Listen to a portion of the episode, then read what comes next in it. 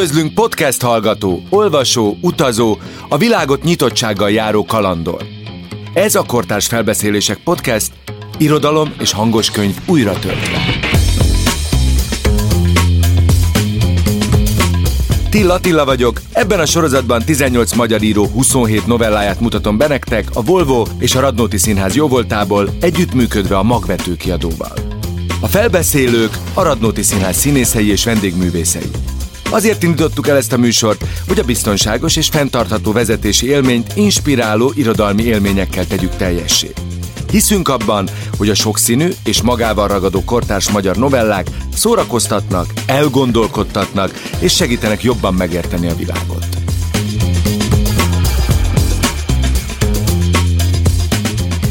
Ebben az epizódban Mánvárhegyi Réka Viszlát Kamaszkor című novelláját Sodró Eliza mondja el. Nyári Krisztián ajánlóját pedig Mészáros Blankától hallhatjátok.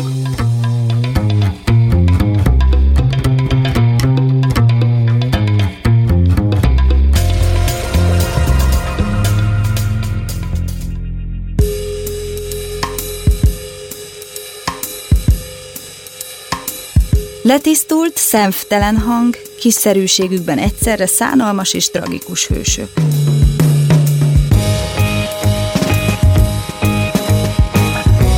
Csád Géza elbeszéléseinek hétköznapian bizarr világával mutatnak rokonságot Mánvárhegyi Réka történetei. A szerző Boldogtalanság az Aurora telepen című kötete a közelmúlt egyik irodalmi meglepetése volt.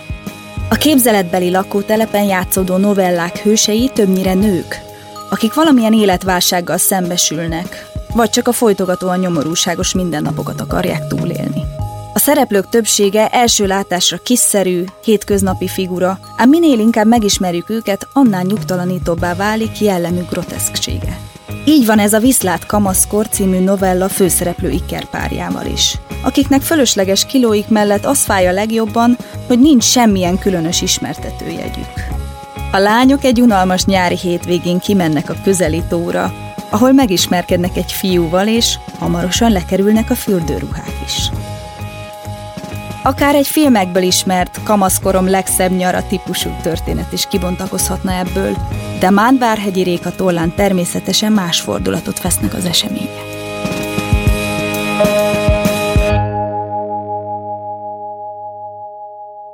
Mánvárhegyi Réka Viszlát kamaszkor A hétvégén strandidő lesz, nyávogta anyánk. Készítsétek ki a fürdőruhát, kimegyünk a tóra.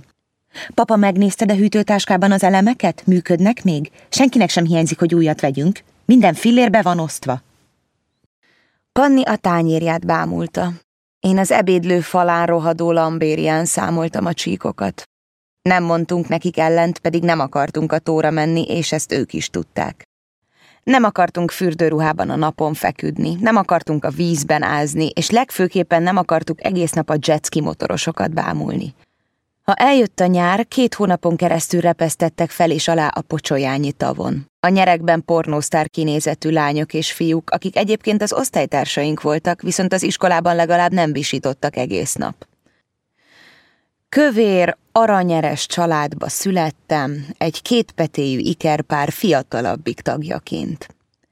Panni és én kamaszkorunkra tohonya krumplis zsákokká váltunk, saját szüleink lettünk egy számmal kisebb méretben.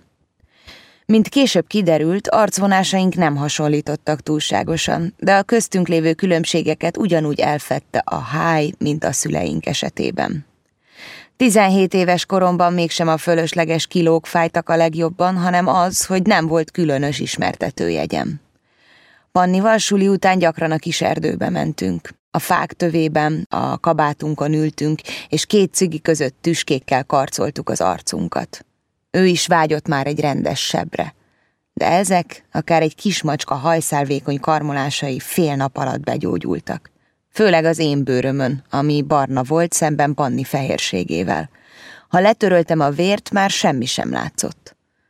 Az lesz az igazi bátorságpróba, mondtuk egymásnak, amikor majd az égő cigarettát a testünkön oltjuk el. Az harci sérülés lesz, mondtam. Pecsét lesz, mondta ő. Én a felkaromon akartam kipróbálni, ő az arcán. Ekkoriban már pontosan tudtam, hogy egy szemétdombon élünk. Megvetettem a néhány hónappal korábbi önmagamat, amelyik azt képzelte, hogy ez egy normális hely, normális emberek vesznek körül, és minden oké. Okay. Végre gondolataim támadtak a világról. Panninak is támadtak gondolatai. Többek között az, hogy a szüleink soha nem akartak gyereket, csak erre nem jöttek rá időben. Ha valóban választhattak volna, kérdezte tőlem, ha valaki felteszi nekik a kérdést, hogy mit szeretnének jobban, de jól gondolják meg gyereket vagy cserepes növényt, akkor szerinted mit választanak? Az alsó fiókban ott van a kék borotva, folytatta anyánk, miközben egy csirkecsontot szopogatott. Lányok, honajról, lápszáról kapjátok le a szőrt, és vágjatok magatoknak bikini vonalat is. Ennyire legyünk már igényesek. Mama, ha akarod, én is vágok magamnak bikini vonalat. Kacsintott apánk, és mintha benyomtak volna rajtuk egy gombot, röhögni kezdtek. A nevetésük régóta tolakodó volt és erőszakos. Bűvölni próbáltak minket, hogy mi is nevessünk velük. Hát nem vicces? kérdezte a tekintetük. De mi ekkor már nem adtuk meg magunkat. Panni merev arccal ült a tányérja fölött. Én viszont, amennyire a szűk hely és a képességeim lehetővé tették, teátrális hirtelenséggel felálltam. Hánynom kell, mondtam. Szerettem újabban keménykedni. Azt képzelni, hogy egy film szereplője vagyok, holott díszletek helyett az undorítóan lambériázott ebédlőnk volt az, ahonnan kipréseltem magam. Ahhoz, hogy kimásszak, a nővéremnek és anyánknak fel kellett állnia. Az asztalt kicsit rá kellett tolni apánkra, aki csak gubbasztott bambán, az arcára épp kiült a zavar. Gyenge akaratú mártír típus volt, aki ilyenkor hangokat hallott a fejében. Ezek a hangok azt ismételgették, hogy ő sosem bánt így a saját szüleivel, hogy ő nekünk az égvilágon mindent megadott, és hogy nem érti, mivel érdemelte ki mindezt. Szűk volt a hely az asztal körül, nem csoda, hogy hallottuk egymás gondolatait. Ezeket a lakásokat helygazdaságosan tervezték. A kisméretű helyiségek is így kerültek egymás mellé, például a WC közvetlenül az ebédlő szomszédságába. Noha diszkrét szüleink egykor habszivacsal vonták be a mellékhelyiség falát, ez csak annyit ért, hogy a hangos csurgatást, rotyogtatást ne lehessen a lakás minden pontjából hallani. Megtanultuk, hogy evés közben legfeljebb kis dolga lehet az embernek. Anyánk lényegében megszegte ezt a szabályt, amikor egy perc múlva utánam kiabált. Nem hallom azt a rókát! Én viszont még a habszivacson keresztül is hallottam a hangjában a rossz indulatú affektálást. Szívesen felpofoztam volna valakit. Ledugtam az ujjamat a torkomon, és ügyelve rá, hogy elég hangos legyen az öklendezésem, ahogy ígértem, kihánytam a vacsorát. Nem először tettem. Elégedettel léptem ki a WC ajtaján. Anyánk rémülten nézett rám, és ettől úgy éreztem magam, mint egy győztes hadvezér. Tudtam, az fáj neki, hogy a pénzért vásárolt étel a csatornában végzi. Komolyan mondom, te nem vagy normális, suttogta. Helyettem a nővérem válaszolt. Ha ő nem normális, akkor én sem vagyok az. Akkor te sem vagy az. Anyánk általában gyanakodva nézett ránk. Az lehetett a rögeszméje, hogy már akkor összeesküdtünk ellene, amikor a hasában voltunk. Ültünk a tóparton, mi behúzódva egy fa alá, anyánk és apánk a homokban, közel a vízhez. Legalább száz fok volt.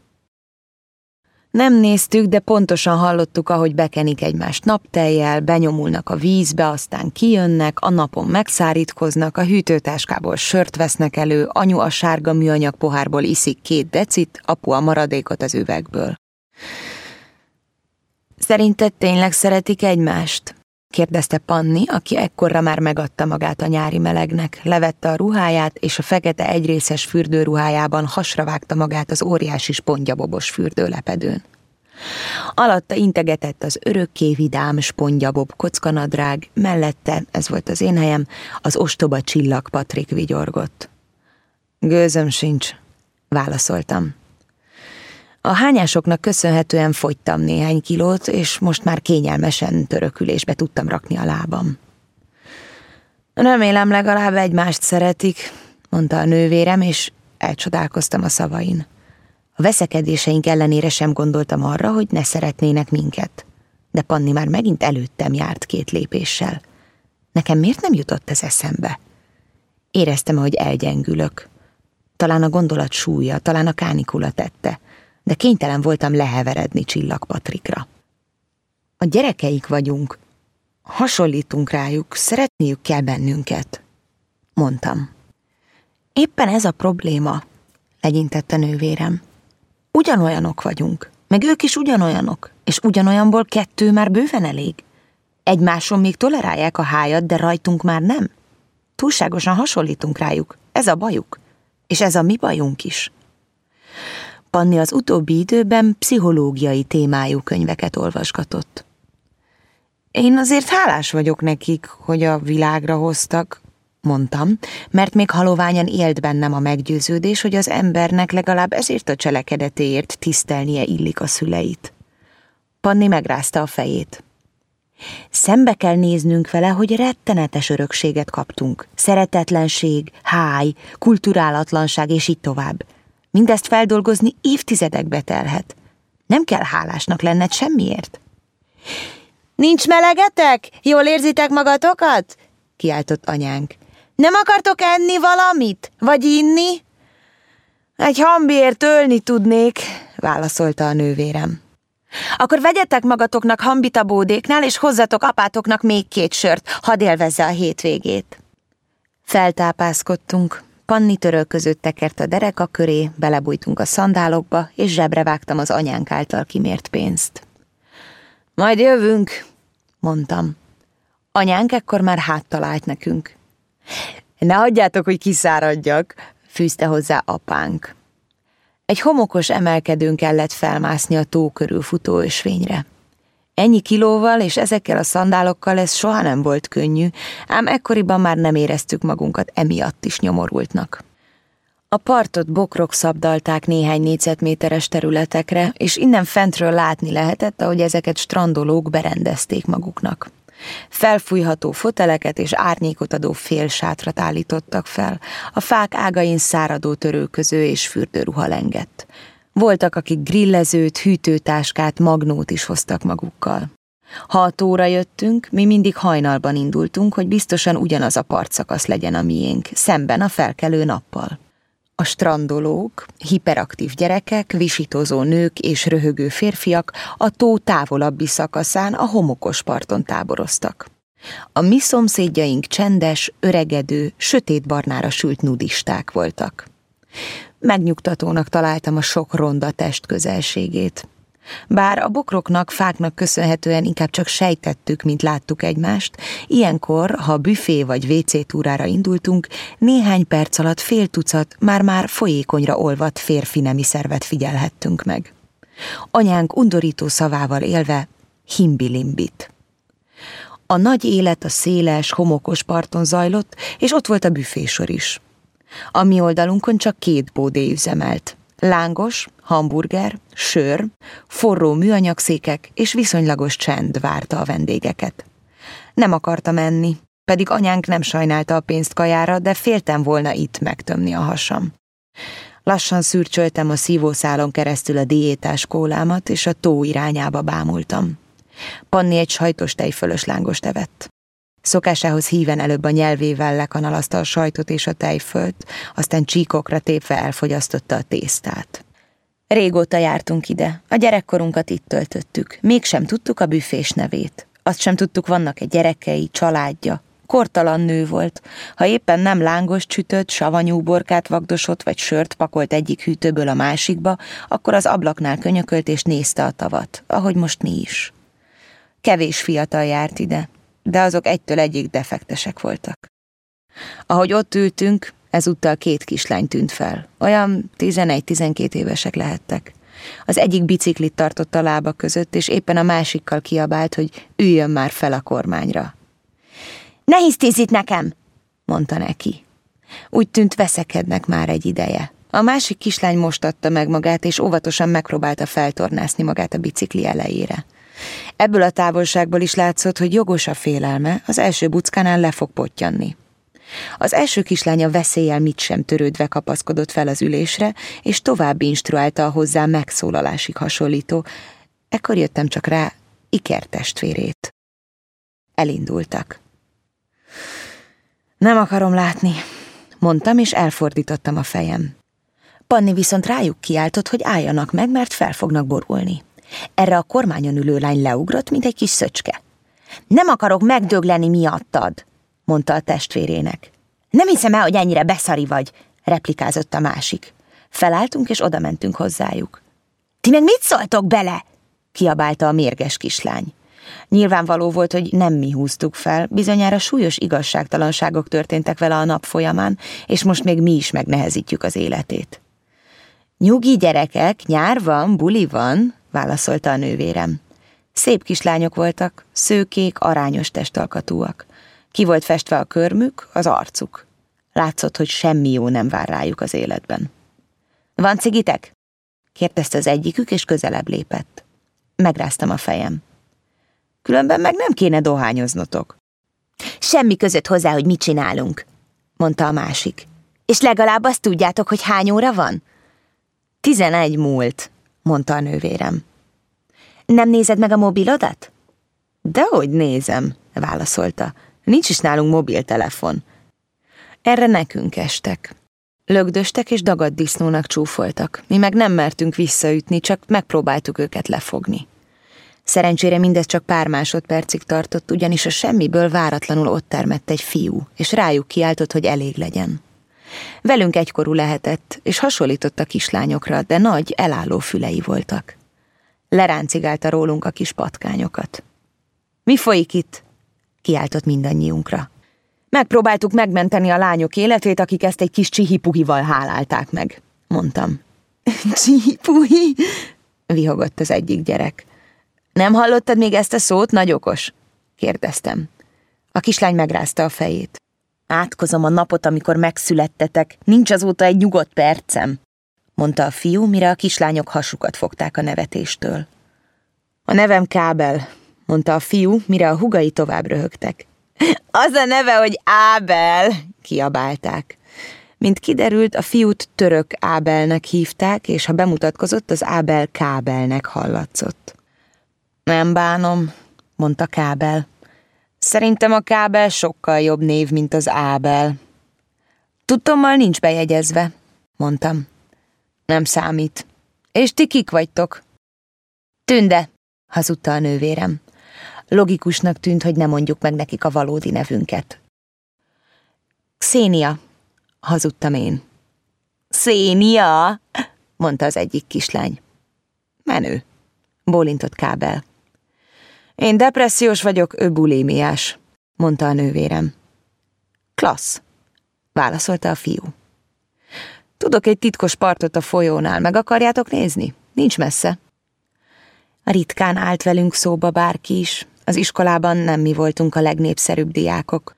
Nem mintha hasra estünk volna csak azért, mert valaki elhív egy titkos partra, de Kábel a hülye nevével és a nagy füleivel érdekesnek tűnt. Hm, miért ne? válaszoltuk. Irány a titkos part. Hurrá! mondták a lányok, akik úgy tűnik már nem akartak megverni minket. Elindultunk a Duna felé. Kábel vicceket mesélt, és mi röhögtünk. Áthaladtunk a töltésen, a sineken, és eszembe jutott a Stand By Me című film, amit legalább ötször láttunk a nővéremmel. Párás szemmel sóhajtoztunk ezeket a hatvanas évekbeli amerikai fiúkat nézegetve. Milyen helyesek, milyen jó pofák, mondtuk, és nem olyan szerencsétlen büdös kis szarrágok, mint amilyenek minket vesznek körül. Lali papa, lali papa, lali lali lali, kezdtem énekelni. Nyári pap, nyári pap, oltári, nyári, nyári, kapcsolódott be a nővérem a magyar verzióval. A kislányok nem ismerték a számot, és kábel sem, de hamarosan már brummogta, amit a szakasz végén kell brummogni. A fejemben hasonlítani kezdtünk a Stand By Me síneken kolbászoló főszereplőihez. Csak futólag jutottak eszünkbe a szüleink, akik talán már várták azt a két sört, de egyáltalán nem idegeskedtünk miattuk. Jó ez a szám, mondta Kábel. Egy filmben volt, válaszoltuk. Négy amerikai fiú a hatvanas években elindul megkeresni egy hullát. Fúj, mondták a kislányok. És aztán mi lesz? kérdezte Kábel. Ez lesz a barátságuk próbája, válaszoltam. Felnőnek is ott hagyják a kisvárost, mondta a nővérem. Csak az egyikük, mondtam én. Pontosabban ketten, a főszereplő és a legjobb barátja, aki ügyvéd lesz, de aztán lelövik, a főszereplő meg író lesz. Ti szerettek olvasni? kérdezte Kábel. Persze, válaszoltuk, mert az átlagnál valamivel többet olvastunk. Én nem, röhögött Kábel, de bírom azokat a csajokat, akik szoktak olvasni. És miért lövik le az ügyvédet? Utcai banda háborúba keveredik, válaszolta a nővérem. Mártír halált hal, és az is jobb, mint megrohadni egy ilyen helyen. Nincs happy end, de sikerül kitörni a poros kisvárosból. Mindannyian fogjai a környezetnek, ahonnan származnak, mondtam én. Hűha, mondta Kábel. Nagyon elszállt a dumátok. Te nem akarsz kitörni ebből a porfészekből? kérdezte tőle a nővérem. De igen, mondta Kábel, és arról kezdett beszélni, hogy milyen menő autót szeretne, és milyen menő tengerparti villát. Látszott rajta, hogy semmi esélye. A nővérem rám nézett, és tudtam, arra gondol, amire én. Mi nem fogunk itt maradni. Magunk mögött hagyjuk anyánkat és apánkat, magunk mögött hagyjuk a szegénységüket és tohonyaságukat, a gesztusaikat és nyavajáikat. Bokrokon vágtunk keresztül, átmásztunk egy kerítésen, mire megérkeztünk a titkos partra. Az útról valóban nem lehetett belátni ide. A folyó szélén valaki kövekből gátat épített, így kialakítva egy kis medencét. Olyan, mint egy jacuzzi, nem? mondta az egyik kislány. Mi mindig ide jövünk, mondta a másik. Mások nem tudnak erről a helyről, mondta Kábel. Csak néhány haverunk, meg az ő haverjaik. Ide nem lát be senki. Azt csinálunk, amit akarunk. És mit szoktatok csinálni? kérdeztem. Valóra vágyjuk a legtitkosabb vágyainkat. Suttogta kábel és felnyerített. A kislányok ledobták a ruhájukat, és pucéran bevetették magukat a kisöbölbe. Kábel is vetközni kezdett, és amikor a keze a nadrág gombján volt, ránk nézett. Panni megrázta a fejét. Én tuti nem vetközöm le, mondta. Lányok, itt senki sem lát, egymás közt vagyunk, vigyorgott Kábel. Nem ismerünk titeket, mondtam. Én nem szégyellem magam előttetek, pedig nem nagy a micsodám, felelte Kábel. Ő is ledobta a nadrágját, és már is ott állt mesztelenül. A farka feszesebbnek, rugalmasabbnak tűnt, mint a lebarnult nudistáké. Gyertek, mondta, meglátjátok, milyen jó érzés. Beereszkedett a vízbe a hugai mellé. A kislányok hívogattak minket, és megpróbáltak lefröcskölni. Körülbelül három méterre álltunk tőlük. Kalapált a szívem. Homályosan arra gondoltam, hogy ebben a helyzetben a legnormálisabb dolog azt tenni, amit ők is tesznek. Legalább száz fok volt. Még soha nem fürödtem mesztelenül a folyóban. Levettem a ruhámat, leengedtem a bugyimat, kibújtam a melltartóból. Kábel és hugai újongtak. Beléptem a vízbe. Hűvös volt és friss, kellemesebb, mint a tó. A szemem sarkából láttam, ahogy Panni lehántja magáról a fekete egyrészest. Finoman érezni lehetett a sodrást. A gát építője arról is gondoskodott, hogy a kőfal mentén le lehessen ülni. Mind az öten bent voltunk a vízben. Nem mertem Pannira nézni. Ugye milyen jó itt? kérdezte Kábel, és mi bólintottunk. Aztán azt mondta. Gyönyörűek vagytok, lányok. Imádom ezt a típust. Kösz, válaszolta Panni. Kábel ezután lehúnyta a szemét, és felsóhajtott. Most azt képzeltem, hogy csókolózom veletek, mondta. Azok után, hogy itt ültünk mesztelenül, egyáltalán nem lepett meg, hogy ezt mondja, mégis egyszerre kezdtem nevetni és köhögni. Nem hiszed? kérdezte. De elhiszem, válaszoltam. Szoktatok csókolózni? kérdezte aztán. Kivel? kérdezte Panni. Fiúkkal, mondta Kábel, vagy lányokkal. Megráztam a fejem, nem szoktunk csókolózni. Esetleg egymással. Nem szoktatok egymással gyakorolni? Dehogy szoktunk, mondta Panni. Pedig ez nagyon fontos, így Kábel. Szerencsések vagytok, hogy ott vagytok egymásnak. Tényleg nagyon fontos gyakorolni, mondta az egyik kislány. Mi szoktunk, tette hozzá a másik. Megmutassuk? Nem vártak válaszra, már is egymáséra tapasztották a szájukat. Kábel elégedetten nézte a hugait. Figyeljetek és tanuljatok, suttogta. Kisvártatva már a vékony kezek is egymás teste felé nyúltak. Minden szakszerűnek tűnt. Ekkor eszembe jutott a legnagyobb szégyen, ami valaha ért. Néhány évre sikerült elfelejtenem, de most élesen megjelent előttem az emlék, ahogy Panni és én doktorosat játszunk. Az egyikünk letolta a nadrágját, és miközben hason feküdt a kanapén, a másik a játék stetoszkóppal vizsgálta a pucérfenekét. Hű, de elpirult valaki, vihogtak a kislányok, akik közben már abba hagyták a csókolózást. Nem tudom, hogy melyikünknek mondták. Ekkor szakadt el Panninál a cérna. Felugrott, mint akire rátapadt egy pióca. A part felé indult, minden lépésével annyi vizet megmozgatva, hogy egészen a nyakunkig feljött. Most meg hova mész?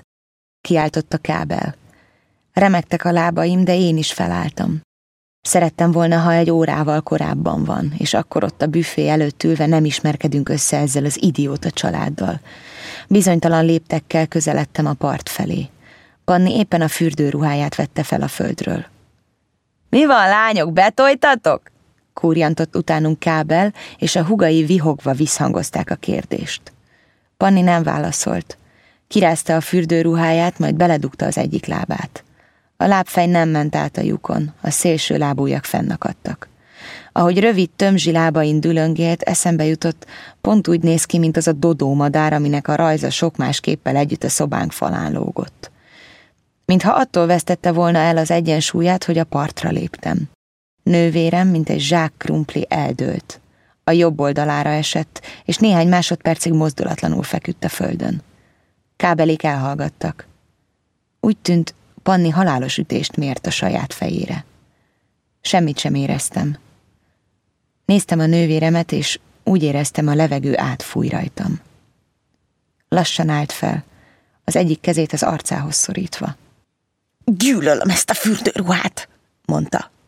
A másik kezével kinyújtotta az úszódreszt, és bedugta a lábát a lyukba. Aztán már két kézzel rángatta a testére ezt a fekete szörnyűséget, és éppen a vállára húzta a pántokat, amikor észrevettem, hogy az arcából ömlik a vér. Megvágtam magam a köveken, mondta. Rám nézett, és megismételte, amit mondott. A tekintete az anyáméra hasonlított. Aztán az apáméra. Jól vagy? kérdeztem vékony hangon. Minden villámgyorsan történt. Felkapott a földről egy követ, és rám vetette magát. Arra eszméltem, hogy birkózom a nővéremmel. Csaj, bunyó! kiáltott a kábel. Panni erősebb volt, mint gondoltam. Egy kézzel nyomott le a földre, a másikkal belevágta a kő élét a felkaromba. Vinyogva felordítottam, és láttam, ahogy a folyó másik partján felreppennek a madarak.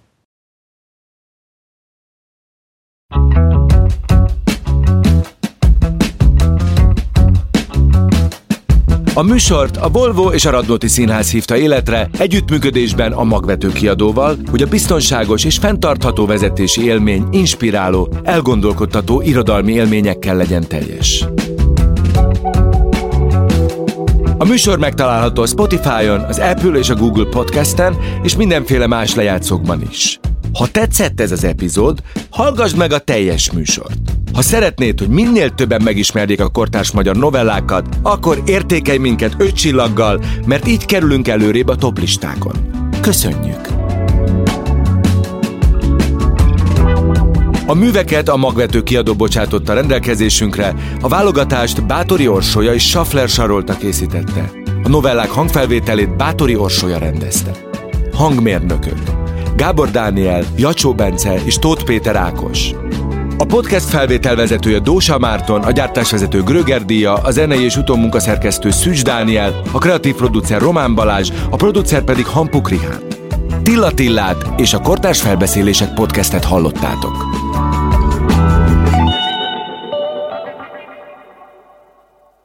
Beaton Studio